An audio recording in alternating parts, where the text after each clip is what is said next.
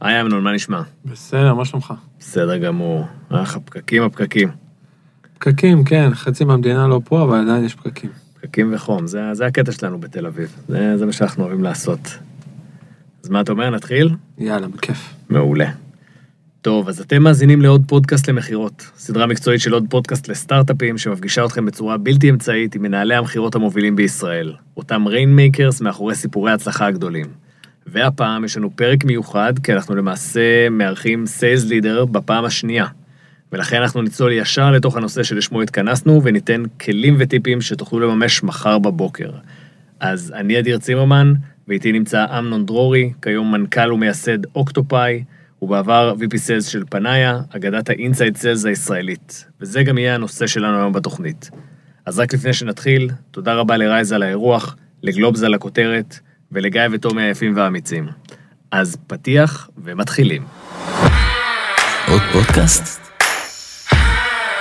עוד פודקאסט. עוד פודקאסט לסטארט-אפים.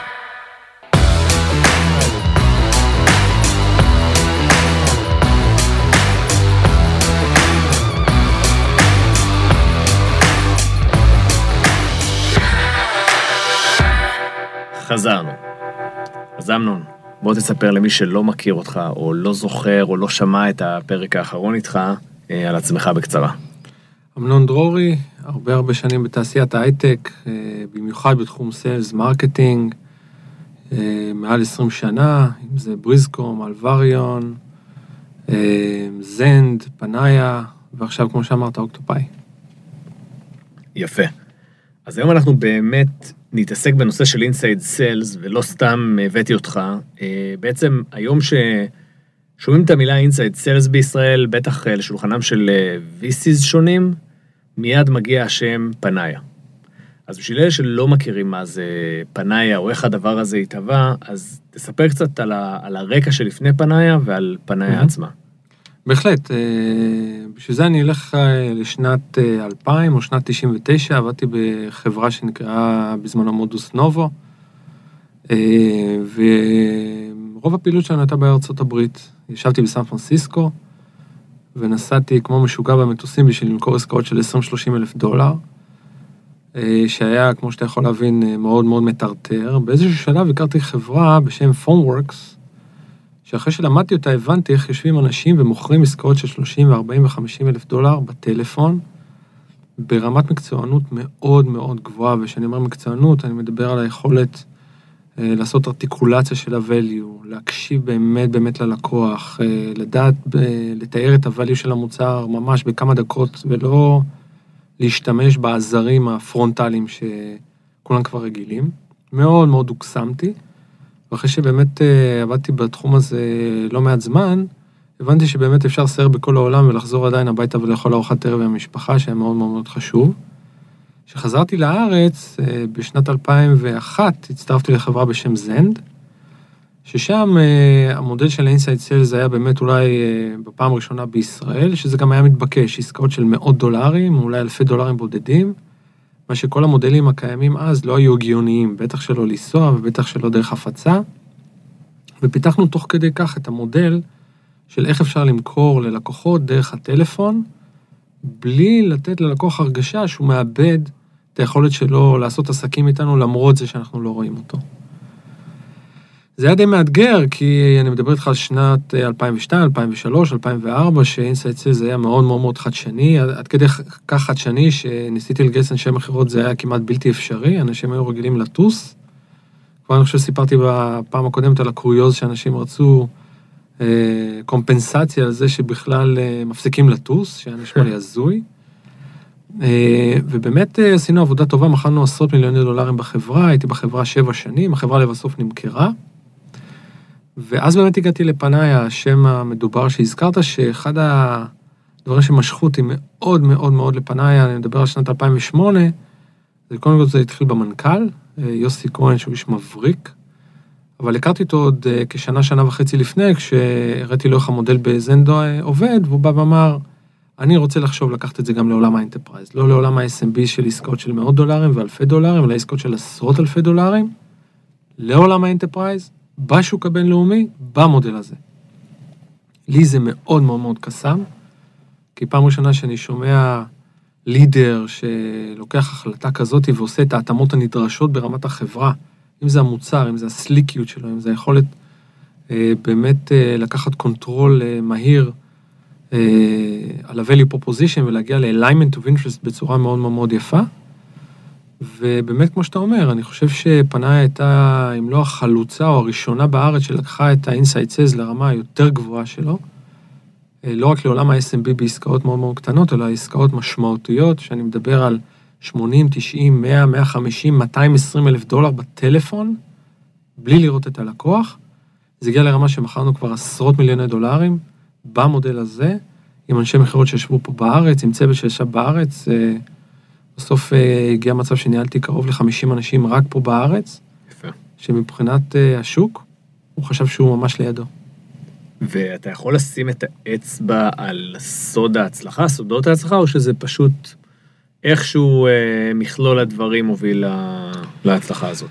אני חושב שאחד הגורמים אה, המרכזיים שהיו בפנאיה, ועכשיו אני רואה את זה יותר ויותר בחברות, אה, ואני עוד פעם מדבר על עשר שנים אחורה, זה באמת הקומיטמנט של, אה, של החברה למודל. אני חושב שבסשן הקודם דיברתי על מה מוכרים, איך מוכרים, ואיך מוכרים בדרך כלל הוא מגיע אחרי שאתה הבנת מה מוכרים ולמי מוכרים.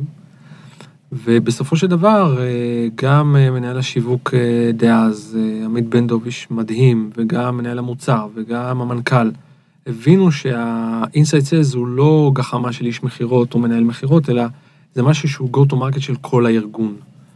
אז קודם כל הייתה את התובנה הזאת, ומעבר לזה, בשביל לעשות את ההטמעה כמו שצריך, אז באמת לקחנו את זה to, to the extreme, מה שנקרא.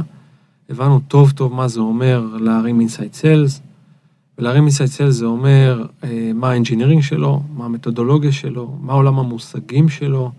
כל הדברים אה, בעצם ש, שניגע בהם אה, היום בהמשך. לגמרי, לגמרי. מה בעלי התפקידים, אה, מה ה-HR שנגזר מהדבר, מ- מ- מליישם מודל כזה, ואיך החברה נערכת, כי זה לא אלקטרון חופשי. inside sales זה, זה משהו שהוא מאוד מאוד מאוד מובנה across all the food chain אוקיי. בחברה.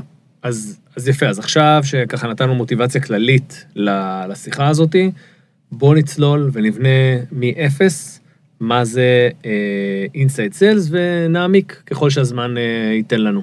אז. אז, אז מה זה inside sales? מה, מה מגדיר inside sales?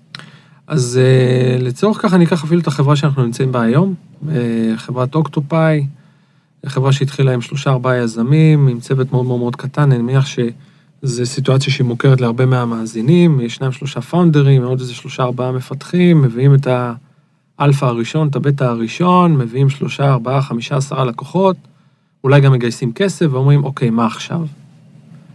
אז בהנחה שאני לא מעמיק עכשיו במה מוכרים ולמי מוכרים, ואחרי שעשינו את התרגיל הזה וצוללים לכל תתי השאלות בשתי השאלות המרכזיות האלה, והגענו למסקנה שהמודל הנכון הוא inside sales, אז רק בשביל לפתוח סוגריים זה אומר שפחות או יותר לפי מחקרים אתה יכול לראות שה-benchmarking הנכון זה שעסקה ממוצעת היא כמה עשרות אלפי דולרים, ה sales cycle הוא בין חודש לשלושה חודשים, הלקוחות שלך זה יכולים להיות אה, SMBs או ה-lower side of the enterprise, אמ, אנשי מכירות ה quota שלהם היא בערך 300-400 אלף דולר ב-lower band, 600-700 אלף דולר ב-upper band.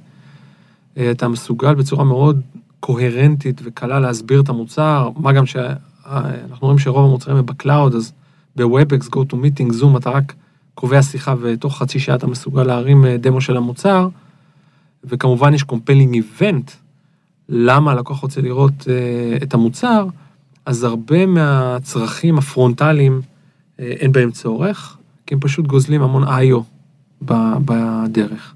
אז בהנחה שעברת את כל השלב הזה, אז אה, קודם כל הייתי מסביר מה זה inside sales. inside sales מבחינתי זה, זה בעצם funnel management. אינסייד סיילס הוא מרכיב במשהו שאני קורא לו funnel management. funnel management זה המושג היותר רחב של כל חיי הליד, מהרגע שהוא, אתה שמת עליו עין או הוא שם עליך עין, עד שהוא הפך ל-PO, קרי acquisition, קנה פעם ראשונה את המוצר, הסכים להשתמש במוצר, והיום גם יותר מזה, הוא הסכים להשתמש במוצר לאורך תקופה של כמה שנים, קרי הוא חידש את ה-subscription, אני מניח שזה פחות או יותר מוצרי הסאס שיש היום, וזה גם אצלנו.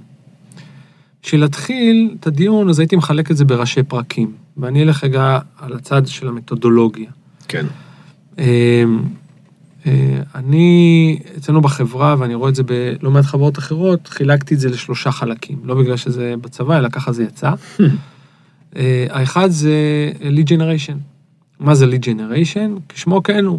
אתה רוצה לעשות generation של leads. מה זה אומר generation של leads? שאתה בסך הכל רוצה לייצר awareness על ה brand שלך ו-knowledge על ה brand שלך. זה שני אירועים שונים. awareness אומר, כן, שמעתי אה, על אמנון דרורי, knowledge, כן, אני גם יודע מה הוא עושה, מי הוא. אם זה יכול להיות על החברה, או על המוצר, או על הפרסונה, או על השוק. ברגע ש marketing מייצר awareness, קרי, שמעתי על השם של החברה שלך באיזשהו מקום, אני לא זוכר את ה context. ו-knowledge, אני יודע מה ה context. קרי, אני יודע מה המוצר שאתה עושה ובאיזה דומיין אתה פעיל ומה ה-value שלך, ואני יודע גם עם המתחרים שלך, ואיפה כתבו עליך, אז נוצרים הלידים. כלומר, יש איזושהי אינטראקציה בין החברה לבין השוק הפוטנציאלי שלה. כמובן של marketing יש המון המון כלים, דיגיטליים יותר, דיגיטליים פחות, מדברים קונסרבטיביים כמו תערוכות וכנסים ומיטאפים, עד בלוגים, טוויטרים, פייסבוק, surveys, webinars, מה לא הזכרתי, לינקדאין, המון אמצעי תקשורת שהשוק עצמו גם ערוך ומוכן לתקשר. ואני אומר את זה ב context של inside sales, כי בסופו של דבר, אני רואה מאוד שאם יש עניין מצד לקוח שאומר לך, תשמע, זה מאוד מעניין אותי מה שאתה עושה, אם אפשר לראות דמו בעוד שלושה ימים, זה היום מהווה מכשלה להגיד לו, תשמע, אנחנו לא מסוגלים להראות לך את זה, אני דווקא רוצה לעשות פגישה, אה, רק עכשיו חזרתי מיפן, בוא, אנחנו ניפגש בעוד שבועיים. איבדת את המומנטום. כן. אז הזמינות היא לפעמים קריטית. אה, אצלנו בחברה עובדים בימי שישי, עובדים משעה 12, 2 בצהריים עד 12 ו-1 בלילה, וזו פרקטיקה שהיא נועדה אה, להיות as close to the market as possible without being there. שזה טריק שבסופו של דבר גם הלקוח אה, אה, לא מצפה. אני יכול להגיד לך שהתובנה הזאת קרתה לי שהייתי בפרנקפורט ורציתי לנסוע למינכן ללקוח, אז הוא אומר לי, אני מבין שאתה בפרנקפורט, אין צורך שתבוא, כאילו, אתה לא יכול, אי אפשר לדבר? אז גם אין ציפייה של הלקוח אה, להגיע מפרנקפורט למינכן, אז בטח שלא בין ה East Coast ל West Coast, ובטח שלא בין ישראל ללקוחות. אם המוצר שלך מצריך את זה, אז כנראה שהמודל לא מתאים. כן. יש אז- פה גם איזה עניין אה, תפיסתי אה, שצריך להתרגל אליו, כמו שאמרת, להתאים את שעות העבודה אה, לשוק, אתגר ש- שאפשר. לגעת בו. עכשיו, אני אשים רגע כוכבית, ואני אגיד שאין לבלבל בין החלטה לעבוד באינסייד סיילס ברמה של מתודולוגיה, קרי go to market, לבין ללכת ולפגוש לקוחות כחלק מתהליך ולידציה שאתה עושה ב-early stage שלך. כלומר, גם אני, שהחלטנו על מודל של inside sales, אני עדיין הולך ורואה לקוחות, למרות שאין לי נחיצות, אבל נורא חשוב לי להבין שאני לא מחטיא משהו בעצם זה שאני רק הולך בצורה אקסקלוסיבית על inside sales. זה עוזר לי להבין איפה אני צריך לחדד את ה-inside sales, ואיפה זה עוזר לי לאשש הנחות יסוד שה-inside sales מתאים למול דברים שאני יכול לפספס. כלומר, פעם בחודש או פעם בחודשיים אני נוסע, אני חוזר ואני אומר, אה, לא הייתי באמת צריך לנסוע, כי למדתי שוב שאם אני אחדד את ה pitch, או אני אעשה ויזואליזציה בדמו, או אני אוכל להראות את הדוגמאות האלה, אני אגיע לאותה תוצאה כאילו הגעתי ב face to face. ואת זה אתה עושה על הלקוחות הקיימים, או שאתה בוחר לקוחות ספציפיים שאתה אומר, אוקיי, זה לקוח שאני עושה לו field sales ולא... גם inside sales." וגם. אני לא, עוש- אני, זהר, אני לא עושה field sales, אני עושה abuse על ה inside sales בזה שאני נוסע לשם, מהמם. ואני באמת עושה acting של inside, של field sales, אבל ב-90% מהמקרים אני מגלה שמעבר לנסיעה באמת לא היה צורך. יש מקרים חריג, חריגים שאפילו ה-face to face מזיק, כי זה הגיוני. גורם קצת לטשטוש, ואה, עכשיו ככה אתה נראה, ואה, לא ידעתי, וזה פתאום ה mingling הזה מטשטש את החדות שאתה נדרש אליה, כדי ממש לגעת בעצב האמיתי, שזה ה-alignment of interest. יש לך בעיה, לי יש פתרון, בוא נדבר. או הפוך, אני, אם כבר באת אליי, למה שלא תבוא אליי עוד פעם? התרגלתי כבר... אה, לגמרי, לגמרי. אז ה inside sales עצמו לא אומר שלא רואים את הלקוח אף פעם. זה רק אומר שאם יש לך שישה, שבעה, שמונה של- שלבים בתהליך המכירה, פגישה ראשונה, פגישה שנייה, יש לך עוד דמו, אחרי זה trial, אחרי זה trial review, אחרי זה negotiation, זה לא אומר שאתה צריך בכל השלבים האלה לראות את הלקוח. אתה יכול לבחור מתי לראות את הלקוח, אבל זה כבר הופך להיות החלטה מסדר גודל שני ולא מסדר גודל ראשון.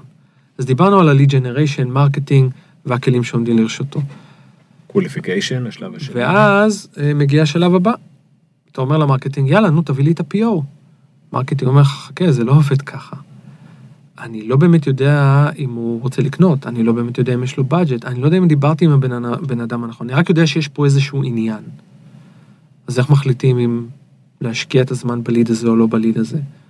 ואז מגיעים לשלב של קווליפיקציה. ופה אני רגע רוצה לעצור, כי ישר רצים לשלב ה qualification, שזה השלב השני, ובו ישר מדברים על ה-SDR, Sales Development. פה אני רגע רוצה לעצור, ואני רוצה להגיד משפט מאוד מאוד חשוב. מי שצריך להחליט בחברה מי ה-probable opportunity, קרי, למי או מה ה-קווליפיקציה של לקוח פוטנציאלי, זה החברה. זה לא האיש המכירות, וזה לא המנהל שלו, וזה לא ה-SDR, וזה לא המרקטינג, זה החברה. זה אומר נציג אולי מכל חברה, כולל המנכ"ל וכולל מנהל המוצר. זה אומר שכל החברה מחפשת qualification criteria prospects לפי מה שהם בחרו, שמתאים להיות לקוח של חברה. כמובן שככל שיש לי מגע עם הלקוח, אני יכול לתחקר אותו לראות אם הוא מתאים לי. אבל ככל שאני מתרחק מהלקוח, אז אלמנט התקשורת הופך להיות יותר ויותר קשה. מרקטינג לא מתקשר ישירות ומדבר 45 דקות עם הלקוח. אבל כשאני אומר קווליפיקציה, זה אומר שגם המרקטינג יודע מה הוא מחפש. זה אומר שאם מעבירים את זה לשלב הבא של ההשקעה בקווליפיקציה, קרי Sales Development, כי הוא מדבר איתו וזה יש אנשים, אז הוא גם יודע מה הוא מחפש, ואחרי זה, איש המכירות, שהוא מחליט לטפל ב-opportunity, הוא גם יודע מה הוא מחפש, וכולם מחפשים את אותו דבר.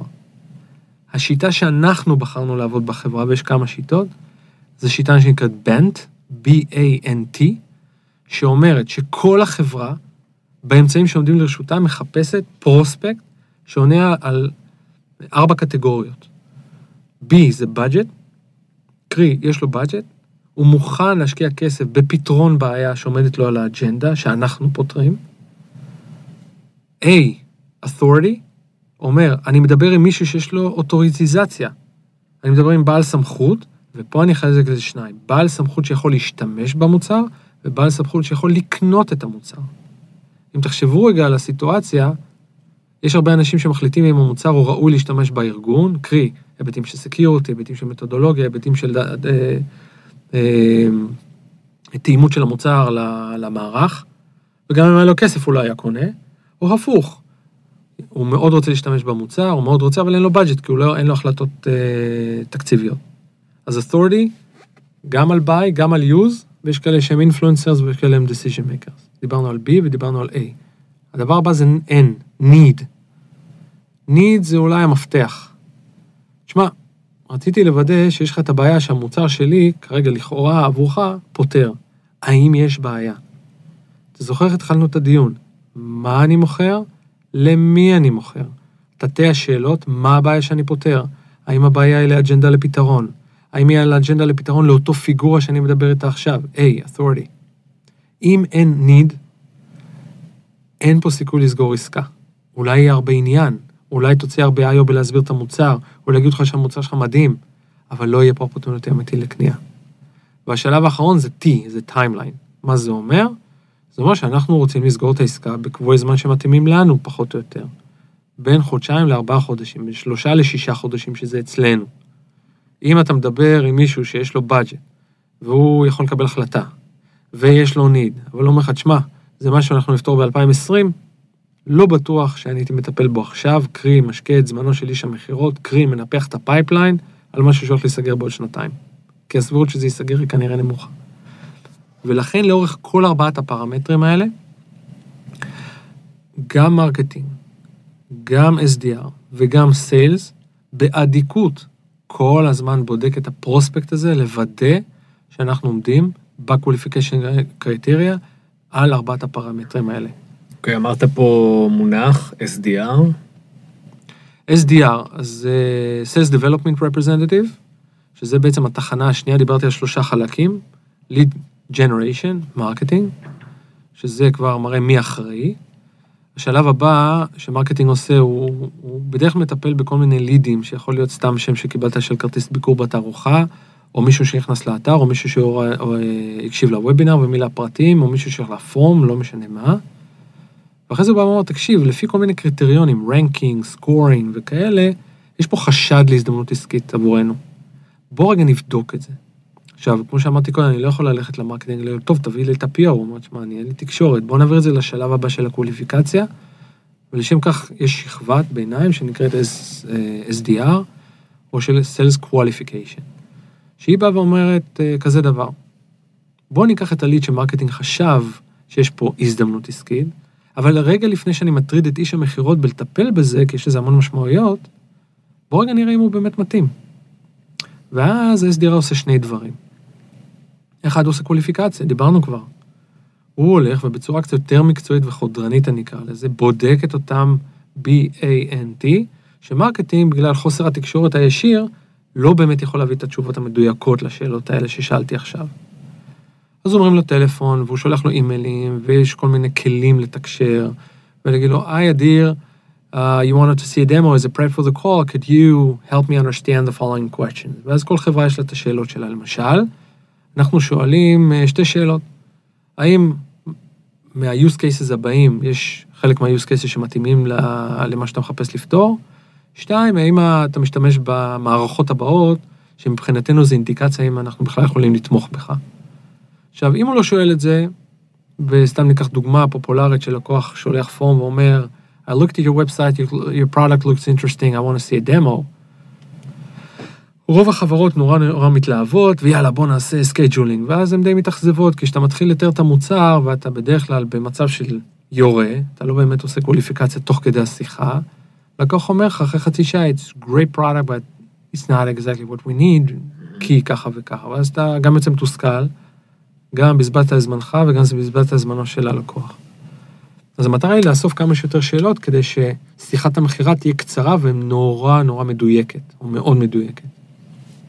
אז התפקיד של SDR זה לעשות קוליפיקציה. הדבר השני שהוא צריך לעשות, זה לוודא שהוא מסוגל להביא אותו לשיחה. מה זאת אומרת? זה אומר שאחרי שעשינו קוליפיקציה, ושאלנו את השאלות הנכונות, עכשיו עוברים לצד השני. בואנה, יש פה פרוספקט, נראה לי מתאים בול למה שהיינו רוצים למכור לו, עכשיו אני רוצה להביא אותו לדבר איתנו. עכשיו, אם הוא פנה אליך זה קל, אבל יש מקרים שהוא ככה נע ונד, צד יותר טוב בלינקדאין, הוא נורא התלהב באיזושהי תערוכה שהוא פגש אותך ועכשיו חודשיים אחרי הוא לא זוכר. זה איש שהוא ליד ה-decision maker, אבל הוא מאוד יכול להשפיע ואתה נורא רוצה לחשוף את המוצר כדי שהוא יביא את ה-decision maker. אז SDR יש לו שני תפקידים, קנייה, קרי, לוודא שאני לא מבזבז זמנו של איש המכירות בזה שאני עושה קוליפיקציה, מכירה, והיה ואנחנו מאוד רוצים לדבר איתו, לגרום לו לדבר איתנו. כן. אוקיי? זה השלב השני, lead qualification. מעולה. והשלב השלישי? השלב השלישי זה השלב שהוא אהוב, זה שלב הבקעת הגולים, או כליית הסלים, זה שלב ה-lead monetization. דיברנו, lead generation, marketing, lead qualification, sales development, lead, uh, lead monetization זה sales. וסיילס פה הוא באמת uh, התחנה האחרונה לפני, בין uh, לידים לבין PO. מצד אחד, לפני 15-20 שנה, הוא עשה בעצם את כל הפאנל בעצמו. זוכר אותי, אמרו לי, תשמע, גרמניה שלך, לך תביא ביזנס. איך תביא, מאיפה תביא, מה תביא, מי תחליט לעבוד, זה לא כל כך משנה. אבל ברגע שהם היום את איש המכירות לעשות רק מכירות, הוא מאוד מאוד תלוי בכל ה-funnel שיושב מעליו. תזכור, הוא בתחתית שרשרת המזון מבחינת הלידים. כי המרקטינג מייצר אותם, הוא מעביר אותם לקווליפיקציה, ומה שיוצא כאלפון מהקווליפיקציה, רק זה מגיע אליו. אם לא יוצא כלום מהקווליפיקציה, הוא לא יקבל לידים. הוא לא יקבל לידים, לא יהיה לו opportunities, הוא לא יעמוד ביעדים שלו. בזה אנחנו נדבר אחר כך על רמת המתח בין החוליות השונות. כן. אה, שזה אחת הבעיות, או אחד האתגרים הכי קריטיים במרוץ השליחים הזה, שהרבה חברות אה, מאוד מתקשות להתמודד איתו. אז איש המכירות, מה הוא עושה? הוא למעשה מחפש opportunities, כמו כולם ב-food chain. המטבע שעובר עליו זה בדרך כלל שבא ה-SDR ואומר, שמע, עשיתי קווליפיקציה, עשיתי scheduling, היי אדיר, ביום כזה וכזה, בשעה כזאת וכזאת, יש לך שיחה, יש לך שיחה עם צ'ארלס מחברה X, שמתעניין בכל הדברים שאני כבר תחקרתי, go and get it. וכשאתה עולה לשיחה, you need to be at your best. כי יש לך 10, 15 דקות לעשות שוב את אותה קווליפיקציה שנעשתה קודם, ברמה קצת יותר חודרנית. אתן לך דוגמה. So thank you for joining the call. I understand from my colleague in the SDR that you are looking to solve this problem. דיברנו על need. And should you like the product, you're going to be able to be in a position to either recommend the product or buy the product, right? הנה עוד וריפיקציה. And if everything goes well, you'd like to see a solution in the next two, three, four, five months? Yes. הנה עשיתי עוד וריפיקציה על הקווליפיקציה. בצורה מאוד מקצועית ומאוד זורמת עם הקולגה שעשה את זה קודם. ברוב המקרים בשאלות מהסוג הזה, אם התשובה היא לא, נוצר discrepancy בין המידע שקיבלתי קודם למידע הזה, ויכול להיות מצב שאני אחליט לא להמשיך את ה-opportunity, שזה משהו שאנחנו צריכים ללמוד בתהליכים פנימיים, למה SDR חשב שכן יש הזדמנות למול ה-sales שמצא שאין הזדמנות. הרבה פעמים זה בגלל נכות תקשורתית שפשוט לא מאפשרת להביא את המידע הזה לא ברמת המרקטינג ולא ברמת ה-SDR, כן. אוקיי? והיה וזה qualified, איש המכירות עכשיו עושה את כל שביכולתו לנהל את ה-opportunity stages עד לקלוזינג. בוא ניגע בעוד, אה, בעוד נושא בנוגע ללידים. יש אה, היום אה, בעצם שני מונחים מרכזיים בעולם הזה, ה-MQL וה-SQL. אתה יכול בשתי מילים לבאר כל אחת מהן? כן, אז יש לא מעט תיאוריות, אני יכול להגיד לך איך אנחנו משתמשים בזה.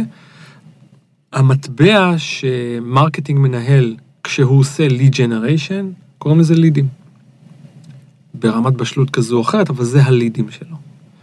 כשהוא מחליט להעביר את הלידים שהם יותר פרופבל להזדמנות עסקית, כמו שדיברנו קודם, הוא מעביר אותם ל-SDR, to further qualify. ואנחנו קוראים לזה MQLים. כלומר, ה-SDR מטפל ב-MQLים, הוא לא מטפל בלידים, הוא מטפל ב-MQLים שהם marketing qualified lead. כלומר, מרקטינג ראה לנכון להשקיע עוד resource שנקרא SDR, כדי להמשיך לחפור ולראות שאולי יש שם הזדמנות עסקית. אז אמרנו, לידים, מרקטינג, MQLים, SDRים. השלב הבא זה, והיה, וה-MQL, שה-SDR אה, עשה להם קווליפיקציה, הביא אותם לשיחה, וה sales עשה שיחה והחליט להמשיך, כן, יש פה הזדמנות, אנחנו קוראים לזה SQLים. והתוצאה ש sales עושה קווליפיקציה ל-MQL והופך אותו ל-SQL, מוליד opportunity לתוך ה pipeline. אז בשביל לסכם, marketing עם לידים, SDR עם MQLים, sales עם SQLים, קרי opportunities. אוקיי, אז עכשיו אני יודע את כל המונחים, אני יודע איך נראה התהליך. אה, זהו, הכל פשוט, לא? אפשר אה, להתחיל אה, לראות את המזומנים זורמים.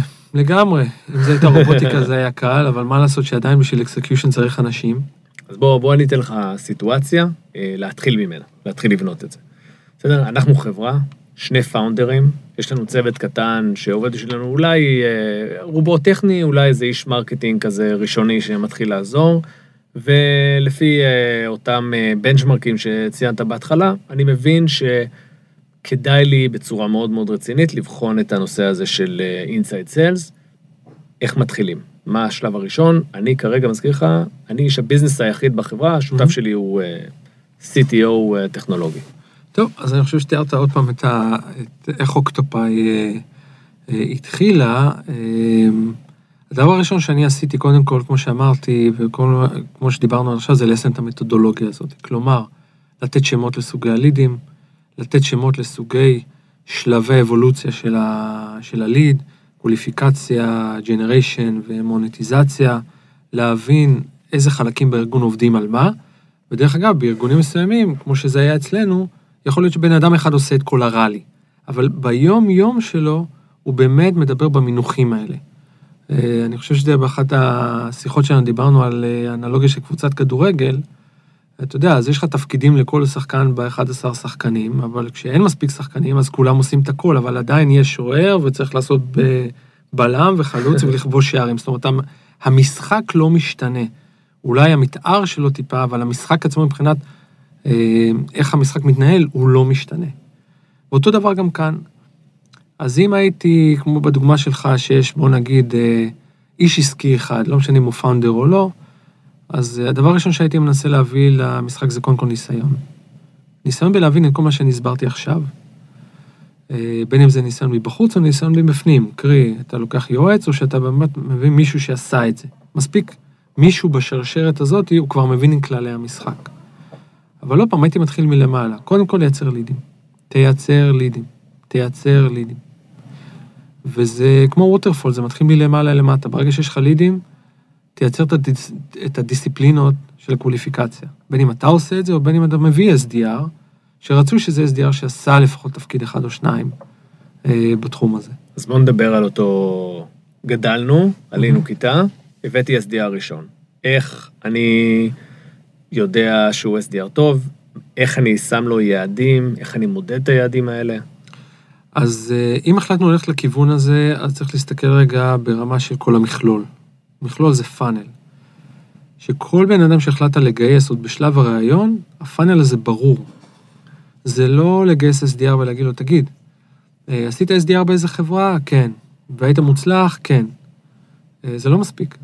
זה קודם כל תתאר את כל מה שאני תיארתי עכשיו. אני, שאני מראיין אנשים, אני אסביר להם מה ה-go to market ואת כל ה funnel הזה, לא, אמנם לא באריכות כזו, אבל חמש דקות על איך אני הולך למכור, מה הרול שלו, ומה מערכת היחסים שלו או שלה בתוך ה funnel management הזה.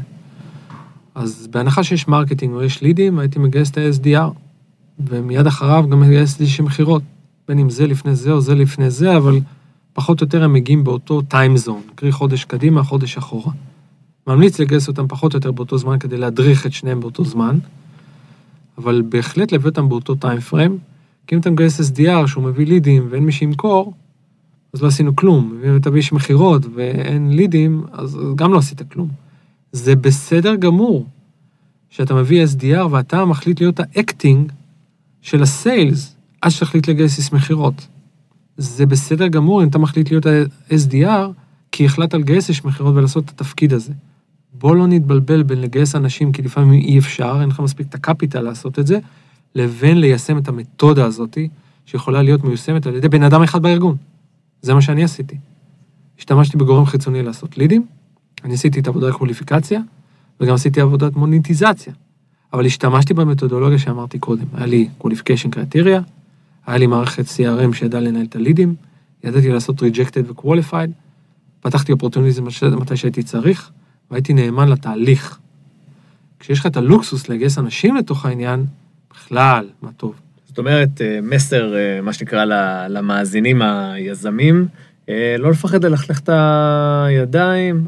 אתה, שאתה אומר, אני עשיתי, זה אחרי שאתה שנים, שנים, שנים של VP Sales, מנוסה, יושב, מה שנקרא, במגדל השן של ההנהלה, ובחברה שלך, בסטארט-אפ שלך, אתה יורד ולוקח את כל התפקידים, ורק לאט-לאט מתחיל להעביר את המקל אה, לגמרי, ואני הייתי ממליץ גם to walk the walk ממש. עכשיו, אתה לא חייב ללכת שנתיים, אתה גם, אה, אתה יודע, אתה יכול לבחור את הטמפו שלך, אבל אני חושב שזה חובה ללכת בדרך הזאת, כי הדרך הזאת היא מאפשרת לך גם ללמוד איזה סוגי אנשים אתה רוצה לגייס.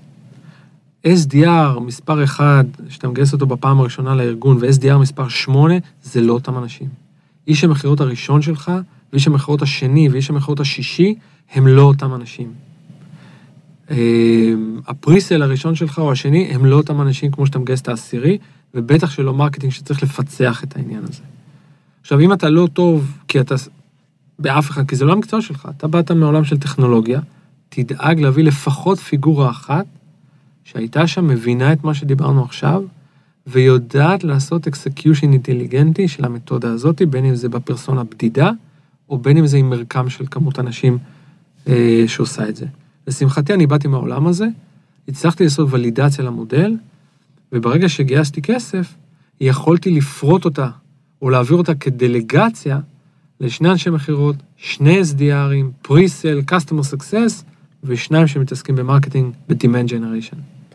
אוקיי, okay, אז uh, רק בנגיעה, כי לא, לא הגענו בסוף לנקודה הזאתי, איך אני מודד uh, SDR, ואז אם אתה יכול, תמשיך את זה למה, איך אני יודע שעליתי כיתה, איך אני עכשיו יודע שאני מגיע ליעד הבא, שזה להביא איש מכירות ראשון לחברה.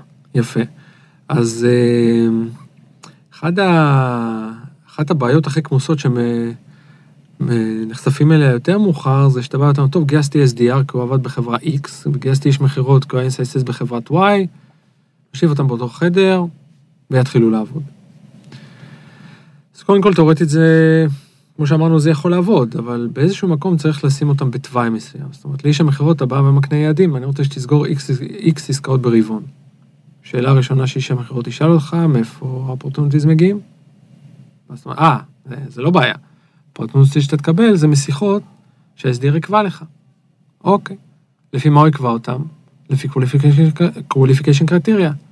אה, כתבנו את זה או לא כתבנו את זה? ירדנו לעומק של הדברים, הגדרנו את זה כמו שצריך, או לא הגדרנו? חזרנו לבסיס. אבל היה ו- ו- ויש לך. אז אתה נותן את זה לאיש, ל-qualification, ל-SDR, אתה אומר, טוב, הנה, זה מה שאתה מחפש, הנה, אתה רואה את ה-qualification paper, הנה ה BANT, לך תמצא לי כאלה. מאיפה הוא יביא אותם? צריך להביא אותם מאיזשהו מקום. אז הרבה פעמים אתה, אתה יכול להיתקל בסיטואציה שה-SDR הולך ומתחיל לחפש אותם בעצמו. אבל לפני רגע דיברנו על זה שיהיה marketing. אם ה marketing מתחיל לעשות באז סביב החברה, אז אולי, כמו שקרה אצלנו, מגיעים inbound leads. וככה שרשרת המזון עובדת. להיות יותר פרגמטי, אני הייתי מגייס SDR, ברגע שיש מספיק traffic ולידים שמגיעים לחברה, קרי, ה Salesforce שלי. מתחיל להתעבות בלידים, מביא מיד inside sale, אה, סליחה, מביא מיד SDR, חודש אחריו אני מביא, אם לא אפילו באותו זמן, inside sales. כי, והיה וה-SDR קובע שיחות, מישהו צריך לעשות את זה. כן. והתהליך האיטרטיבי הזה בין שני האנשים האלה, או בין שתי הפיגורות האלה, הוא תהליך אה, אה, איטרטיבי של לימוד.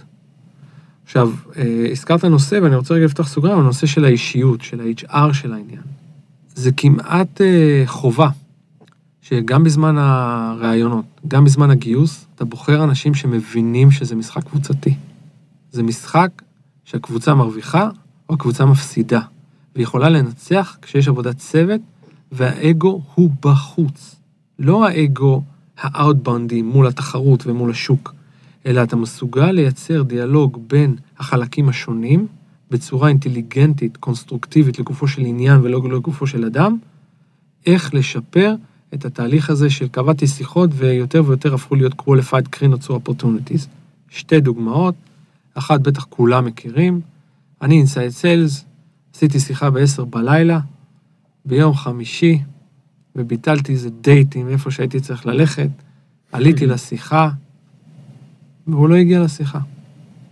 no show, מה שנקרא. זה למרוט את השערות. דוגמה שנייה, עליתי לשיחה, הוא עלה לשיחה ואני מגלה שהוא לא משתמש בפלטפורמה, למשל, שהיא מתאימה לסוג המוצר שלנו. אני בא לי להרוג את ה-SDR. איך הוא לא מצא את זה קודם? באווירה בריאה, יש דיאלוג, כמו שאנחנו עושים את זה פעם בחודש, לעבור על כל ה-rejected, למה איש המכירות עשה לזה rejected. לא בשביל להאשים את ה-SDR, או הפוך, לא בשביל שה-SDR יגיד, בואנה, איזה איש מכירות זה, אני הבאתי לו משהו הרמה להנחתה. אלא בשביל באמת לנתח את הסיטואציה שתוכל לעזור לנו כצוות להיות ביחד. אתה יכול לראות את זה בספורט, זה כאילו נורא טריוויאלי, אם לא נשתפר באיך אני מוסר או איך אני רואה אותך במגרש, אנחנו לא נצליח. אז למה לא פה? וזה דורש רמה, רמת רפורט מסוימת של האנשים עצמם. כאלה שמבינים שהם באים לסטארט-אפ, שהם מבינים שהם הראשונים, שהם מבינים שהם בונים את הפרקטיקה ביחד עם החברה, שמבינים שיהיו טעויות בדרך, וה fine-tuning וה shaping קורה תוך כדי תנועה. זה לא איש המכירות השמיני, שהיעדים שלו הם כנראה פי שתיים מאיש המכירות הראשון שלך, אבל הוא מקבל דוקטרינה, את ה cookbook, והוא כמו רובוט רק צריך לעשות execution. ובתור מנהל, וחזרנו עוד פעם ליזמים או ללידרים של החברה, זה חובה לדעת שהמצבים האלה יקרו, זה חובה לדעת שאתה צריך להיות מסוגל לטפל במצבים האלה, כי אם חס וחלילה אתה לא מבין שדברים כאלה עלולים לקרות והם קורים, או שאתה מתבאס, אתה לא עומד ביעדים, האנשים האלה הולכים הביתה, או שאתה מפטר אותם כי אתה חושב שאנשים לא בסדר. אז רצוי שאו תביא ניסיון מבחוץ, או תביא ניסיון מבפנים, קרי, תשים אותם על הפיירול לאנשים שמאוד מאוד מנוסים. כי על הדברים הקטנים האלה, דברים, אה, המודל הזה יכול להתפרק. אוקיי. עכשיו, אה, בוא רגע אה, לא נתקדם יותר מפה ברמות, אפשר להגיע באמת פה לעומק אינסופי אה, של, של סיטואציות. אני רוצה שנארוז את הכל עכשיו בצורה של best practices. אולי כמה דברים קטנים, כגון מתי מראים דמו. אם אני, אנחנו מראים בכלל דמו, באיזה שלב, זה טוב, זה רע. אמ, אנחנו מראים דמו לכל מי שמוכן לראות דמו של המוצר, אה, אחרי שהוא עבר קווליפיקציה. אני חוזר עוד פעם למ- למשמעת של, ה, של, אה, של המתודה. אמ, אנחנו עסוקים בלהביא הזדמנויות. במקרה שלנו, חלק מההזדמנויות, אה, שלב קריטי זה שהם יראו את המוצר, או אפילו יתנסו במוצר. זה השלב הראשון שיראו יראו את המוצר, יראו דמו של המוצר. מצד שני, גם אנחנו רוצים לוודא שאנחנו מתאמים ציפיות כלפי עצמנו, אם הדמו הזה יוביל אותנו לעסקה או לא יוביל אותנו לעסקה. ולמה אני מתכוון? אמ, דוגמה קלאסית, אתה מקבל ליד בפורם שמישהו מחברת, בוא נגיד הום דיפו מילה, עם השם שלו, עם הטלפון שלו, עם האימייל שלו, והוא כותב, Your product looks really interesting. After looking at a webinar, I want to see demo of the product. כולנו פה קופצים עד השמיים. ופה נשאלת השאלה, האם רצים וקובעים דמו של 45 דקות, מתי שהוא רוצה, זה יכול להיות גם 11 בלילה, או שאנחנו רגע אומרים, רגע, בואו רגע נכניס אותו לפילטר של הפאנל, של הקוליפיקציה. יכול להיות שהוא יעבור מהר שם, אבל בואו רגע נחזור למשמעת. ואצלנו, אנחנו מאוד ממושמעים. אנחנו שואלים את השאלות, Thank you, we're very proud that you'd like to see a demo, but couple of prep questions before showing you a demo. אם אתה זוכר, דיברנו לפני כמה דקות על השאלות שאנחנו שואלים. כן. וברוב המקרים, בסיטואציה כזו, הלקוח גם משתף איתך פעולה. כלומר, אם לקוח אומר, מה זה כל השאלות האלה, אני רק רציתי לראות דמו, צריך לדעת איך להתנהל בסיטואציה כדי שלא תעליב אותו, לא תגרום לדיסרספקט שלך. אבל ברוב המקרים, כשאתה מגיע לסיטואציה כזאת ואתה מסביר למה אתה שואל את השאלות בצורה קונסטרוקטיבית, הלקוח גם משתף פעולה. והנה התשובה לשאלה. אנחנו שואלים שתי שאלות, כשבשאלות האלה אנחנו נותנים ממש צ'קבוקסס, שאומרים, הנה המערכות, ש... האם אלה המערכות שיש לך, או אין לך אף אחת מהמערכות האלה. אם התשובה זה none, קרי, אין לי אף אחת מהמערכות האלה, יש עוד שאלה.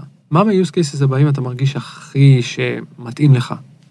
ואם זה גם none, אנחנו חוזרים אליו באימייל, ואומרים לו, תשמע, seems like, שזה מה שהמוצר שלנו עושה למול מה שאתה אמרת, but we're very happy to spend 15 minutes showing you the, the product, just to get your professional opinion. אז הנה דוגמה איך עושים דמו למישהו בלי לבזבז 45 דקות, אוקיי? עכשיו, ברור שאם התשובה היא זה וזה וזה וזה וזה, אנחנו all over the place. בואו נקבע 45 דקות ונעשה shaping של הדמו ונביא את אנשי המכירות הכי טובים וככה וככה. זאת אומרת, זה לא שחור ולבן. עכשיו, היו לנו מקרים של שחור ולבן. ששאלנו כמה אנשים, אה, מה הגודל צוות ה-BI, כי אנחנו מתעסקים ב-BI, אומר לי, יש לי בן אדם אחד. כמה מערכות יש לך? אומר לי, שתיים. כשתבין, הטיפיקלי זה עשר. והאם אתה הולך לפתור את הבעיה הזאת ואז אה, לא עכשיו. Well, listen, at this time, let me direct you to a demo of the product that is recorded on this link. אתה מבין? זאת אומרת, צריך להיות מאוד אלגנטי באיך לעשות את זה, אבל לא כל מי שרוצה לראות דמו, אנחנו מראים לו את הדמו, כי מה אנחנו מחפשים? הזדמנות עסקית. האם אנחנו רוצים להיות חברה שמראה דמואים, או חברה שסוגרת עסקאות? ופה אתה מבין מיד מה האמצעי ומה המטרה. יפה. אני חושב שזה לקח אה, ו... ודגש אה, מאוד חשוב. בסוף, לרדוף אחרי ההזדמנות העסקית, להיות מאוד מאוד ממוקד מטרה, אה, משמעת, וזה מסר לכל אותם יזמים שיושבים פה בארץ הקודש, עם כל הקורפורטוריזם שיש לנו לפה, והרבה מאוד לידים שהם לא qualified בעליל. אז זה דבר, אגב, שהוא... הוא קשה לאנשי ה sales, הוא עוד יותר קשה ל founderים שרעבים לכל, לכל דבר, אבל כמו שאתה אומר, לזכור את המתודולוגיה. אז דבר אחרון לפני שאנחנו מסיימים, inside sales וישראל. איפה אתה רואה את זה? איפה זה ביחס לארה"ב? תשובה קצרה עם איזה חזון, מה שהיית רוצה לראות פה. אני חושב שדיברנו על זה גם בסשן הקודם, אנשי מכירות ישראלים הם ממזרים, הם חושבים מחוץ לקופסה, הם, אה, יש להם יכולת אימפרוביזציה שאני לא ראיתי אצל אנשי מכירות אה, בעולם, ועבדתי עם הרבה אנשי מכירות בעולם. מצד שני, אני חושב שהמודל עצמו, בין אם זה רמת המקצועיות והמקצוענות, אה, כדי להיות מדויק, ובין אם בכמות של האנשים שאנחנו צריכים בשביל מודלים כאלה, היא לא מספקת. ולא בכדי אתה רואה חברות שמתחילות פה בארץ עם האיש המכירות הראשון או השני שלהם, שזה מה שאני ממליץ, לפני שרצים ומקימים חברה בארצות הברית, אלא אם כן אתה מבין שאתה הולך להקים שם אופרציה מאוד מאוד מאוד גדולה. ואני מניח שרוב החברות מתחילות את הצעדים הראשונים, בוא, בוא נביא איש מכירות אחד או שניים, נביא נבדוק איזה חודש שניים, בוא רגע נבדוק, כי החברה עדיין בשלב של fine tuning, היא בשלב של exploratory. ולכן הקרבה לאנשי מכירות כדי להבין מה עובד, מה לא עובד, מה היה rejection, מה objection, זה דברים שאתה יכול לתקן תוך כדי תנועה, ואם החבר'ה שלך נמצאים בצד השני של העולם, הסיכוי שלך להשתפר הוא מאוד מאוד מאוד קטן. אבל כשמגיע השלב של ה scale, שאתה צריך פתאום עשרה אנשים, 12 אנשים, ועוד איזה חמישה SDR ים, קשה מאוד למצוא בארץ. כי אה, אני יכול להגיד לך מ Panaya, אה, Panaya הייתה בית ספר טוב, כי הרבה מהאנשים של Panaya מפוזרים היום בהמון חברות.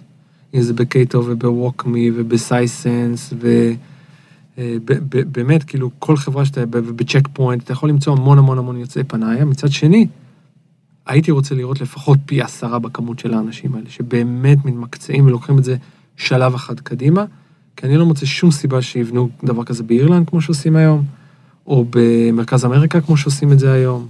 או במדינות אה, אחרות שלא לדבר על המזרח. אני חושב שאין שום סיבה שלא נעשה את זה פה, אנחנו בדיוק בצומת של אירופה וארצות הברית והמזרח, רק צריך יותר אנשים כאלה ויותר מקצוענים שיעשו את העבודה.